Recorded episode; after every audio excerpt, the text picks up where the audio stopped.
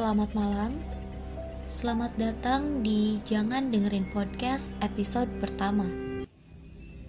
Sebelumnya kenalin, namaku Fatia atau bisa dipanggil Cia.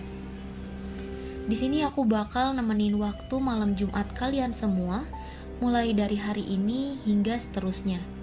Dengan cerita-cerita horor kiriman kalian, cerita pribadi, atau cerita dan mitos yang berkembang di masyarakat bakal kita bahas tuntas di sini.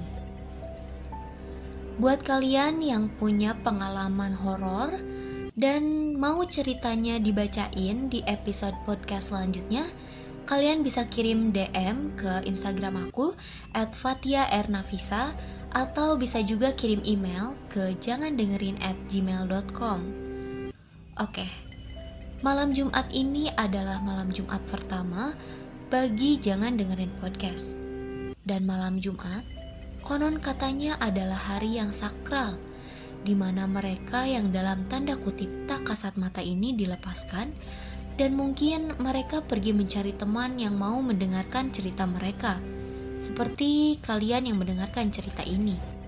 Sebelum Cia mulai, Cia mau ngingetin supaya kalian jangan merasa sendirian. Mereka selalu ada di sekitar kita, senantiasa mengawasi di sudut-sudut gelap, dan selalu ada di malam yang dingin menusuk tulang. Jadi, berhati-hati kalau kalian dengerin ini sendirian, karena mereka biasanya tertarik dan ikut mendengar saat kita menceritakan mereka. So, peringatan pertama, jangan dengerin podcast. Let the fear come inside you. Untuk episode pertama ini, aku bakal ceritain pengalaman pribadi Cia sendiri. Jadi, setelah selama 19 tahun tinggal di suatu kota kecil, Akhirnya aku sekeluarga memutuskan untuk pindah ke kota lain karena satu dan lain hal. Rumah baruku ini memang terlihat sedikit menyeramkan. Lampu luarnya berwarna kuning remang-remang. Halamannya dipenuhi daun yang setiap hari pasti berjatuhan dari pohon yang besar depan rumahku. Aku sekeluarga berusaha nyaman tinggal di rumah itu meskipun tetap merasa bahwa rumah sebelumnya lebih baik. Perlu kalian tahu, uh, di rumah baruku ini terdapat beberapa ruangan yang tidak terpakai. Dan di ruangan yang tak terpakai itu lampunya pun mati. Jadi menambah perasaan tidak enak saat melewati ruangan tersebut. Ruangan yang aku maksud ini terletak di dapur dan berdekatan dengan kamar adik laki-lakiku. Ruangan ini akhirnya digunakan sebagai gudang untuk menyimpan barang yang sudah tak terpakai seperti lukisan, guci, atau baju-baju tak terpakai. Dari awal aku memang merasa ada yang tak beres dengan ruangan itu. Setiap kali berada di dapur, aku pasti merasa selalu ada yang mengawasi dari ruangan tersebut. Tapi aku menganggap bahwa semua itu hanyalah perasaanku saja. Sampai suatu malam, sekitar pukul setengah satu, aku pergi ke dapur untuk mencari cemilan.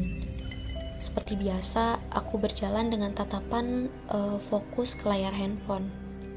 Tapi dapat kulihat dari ujung mataku kalau ada seseorang yang masuk ke ruangan itu. Padahal seluruh anggota keluargaku sudah tidur. Dan saat kulihat pun memang tidak ada orang. Sekali lagi aku berpikir bahwa itu hanya perasaanku saja. Aku kemudian membuka kulkas sambil terbahak-bahak karena melihat sebuah konten lucu di Instagram. Saat aku tertawa itu, ku dengar suara tepat dari belakangku seperti berkata, Huh! Namun kencang sekali. Aku langsung menoleh ke belakang. Namun nihil, tak ada orang. Dan memang Suara yang aku dengar bukanlah suara yang aku kenal. Entah suara perempuan atau laki-laki, aku tak bisa menjelaskan. Seketika itu aku langsung menuju ke kamar. Aku berusaha sekali untuk tertidur. Tapi waktu terasa sangat lama. Saat waktu menunjukkan sekitar pukul 3 pagi, aku mendengar suara langkah kaki yang semakin tak ingin ku dengar, suaranya malah semakin kencang. Setelah cukup lama, aku baru menyadari bahwa itu bukan langkah kaki manusia itu adalah langkah kaki kuda. Anehnya, suara itu berasal dari atap kamarku. Suaranya semakin kencang dan semakin terdengar banyak. Karena sudah cukup merasa terganggu, akhirnya aku memberanikan diri dan bertanya,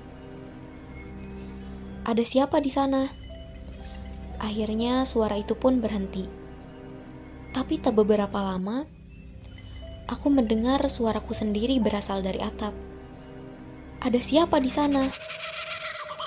Aku takut setengah mati, lalu pindah dan tidur di kamar adik perempuanku. Keesokan harinya aku berusaha untuk biasa saja, sampai akhirnya lupa akan kejadian semalam. Beberapa hari pun berlalu. Saat itu aku sedang menemani ibu mencuci piring di dapur. Kita mengobrol seperti biasanya, sampai tak sadar bahwa botol yang tadi sedang dicuci oleh ibu menghilang begitu saja. Karena heran, kita semua mencari botol itu ke seluruh rumah, ke kolong meja, tempat sampah, dan lain-lain. Tapi tetap tidak ada. Kemudian, ibu berpikir mungkin botol itu ada di dekat wastafel Entah tidak terasa jatuh dan terlepas dari tangan ibu atau bagaimana, yang jelas pasti masih ada di dapur. Akhirnya ibu mencoba membuka tutup saluran wastafel. Dan benar saja, botol itu ada di dalam wastafel. Padahal wastafel itu jelas-jelas awalnya tertutup. Kami lalu memikirkan kemungkinan-kemungkinan yang bisa membuat botol itu ada dan masuk ke dalam wastafel tapi tetap saja itu tidak masuk akal. Pokoknya, kejadian-kejadian dan gangguan-gangguan kecil seperti itu sangat sering terjadi, sampai kami merasa bahwa itu sudahlah hal yang biasa terjadi. Berlanjut saat di mana kami merayakan hari raya Lebaran. Semua keluargaku pergi ke rumah nenek. Namun aku dan adik laki-lakiku tidak ikut karena adanya PSBB pada saat itu. Aku sendiri asyik membuat konten video di ruang keluarga dekat dapur, sedangkan adik laki-lakiku memang selalu diam berlama-lama di kamar tanpa menyalakan lampunya. Anehnya, saat itu adikku langsung keluar kamar menggunakan sarung tangan dan jaket. Aku pikir mungkin ia akan pergi ke rumah temannya, tapi dia bilang dia harus keluar karena ibu memintanya untuk membeli makanan. Padahal ibu sedang ada di rumah nenek. Aku berpikir positif. Mungkin saja ibu tadi menelpon atau sebelum pergi ke rumah nenek sudah titip pesan kepada adikku untuk membeli makanan. Karena aku sendiri pun sedang fokus membuat konten video. Setelah selesai membuat konten video tersebut, aku mulai menyadari kalau adikku sedang berbicara sendiri. Ia berjalan mencari kunci motor sambil berbicara entah pada siapa. Lalu aku berpikir, mungkin dia sedang iseng agar aku merasa aneh melihat dia berbicara sendiri. Karena adik laki-lakiku yang ini memang sedikit jahil. Aku memutuskan untuk tidak bertanya apa-apa dan mengabaikannya. Kemudian dia pergi menggunakan motor yang katanya ia disuruh beli makanan oleh ibu. Setelah beberapa menit, dia datang membawa makanan dan langsung masuk ke kamar. Tidak lama dari dia masuk kamar, aku mendengar suara benda dilempar dari kamarnya. Saat aku lihat adikku setengah berbaring dengan wajah yang merah, mata yang merah, dan terlihat seperti sangat menahan amarah. Aku memberanikan diri bertanya apa yang terjadi. Lalu ia menjawab bahwa dia emosi karena orang-orang yang ia tanya selalu tidak menjawab dan malah memasang wajah cemberut dan melotot. Aku bingung siapa orang-orang yang dia maksud, karena ketika aku tanya siapa orang itu, dia tidak menjawab dan hanya melotot ke satu arah di kamar. Aku berusaha menenangkannya dan berpikir mungkin orang dari luar rumah yang membuat dia menjadi emosi. Setelah ia cukup tenang, aku pergi ke ruang keluarga dan mencoba menghubungi ibu untuk mengatakan bahwa adik laki-lakiku bersikap aneh. Untungnya saat itu ibuku sudah dalam perjalanan ke rumah. Setelah cukup lama, adikku kembali keluar kamar dengan menggunakan jaket dan sarung tangan lagi.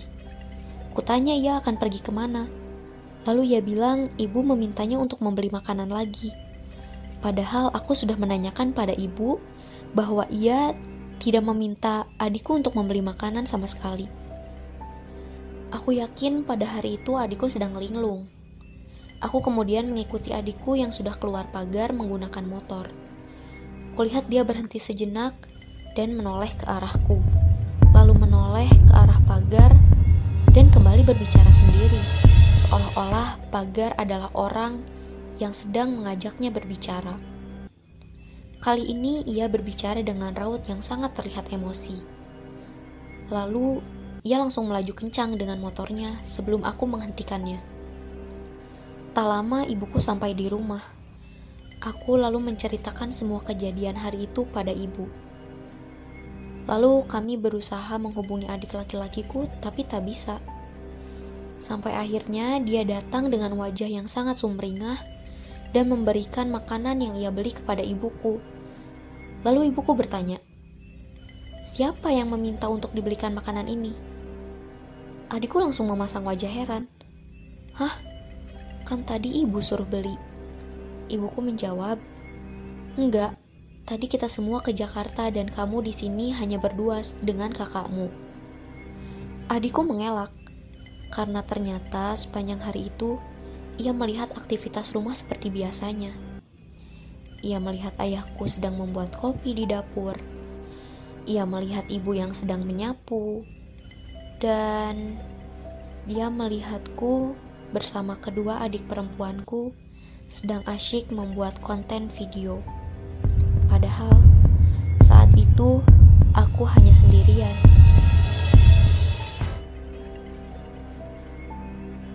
Aku pun mulai menjelaskan pada adikku bahwa sepanjang hari ia berbicara sendiri dan melempar ponselnya dengan wajah yang sangat emosi.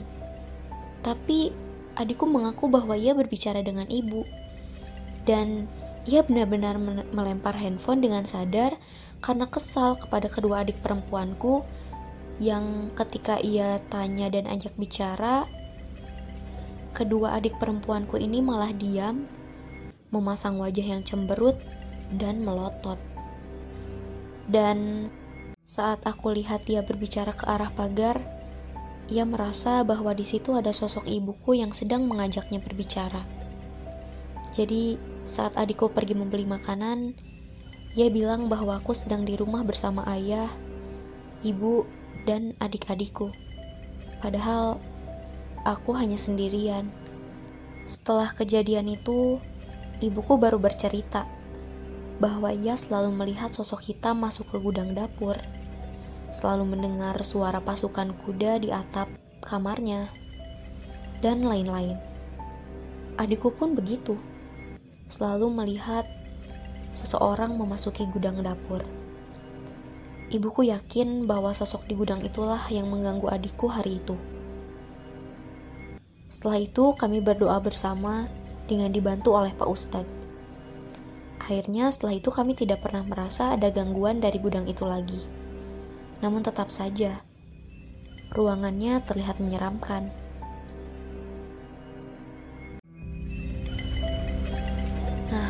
Sampai di situ uh, cerita pertama dari Jangan Dengerin Podcast. Sampai ketemu minggu depan dengan cerita horor dan di luar nalar lainnya di Jangan Dengerin Podcast. Let the fear come inside you.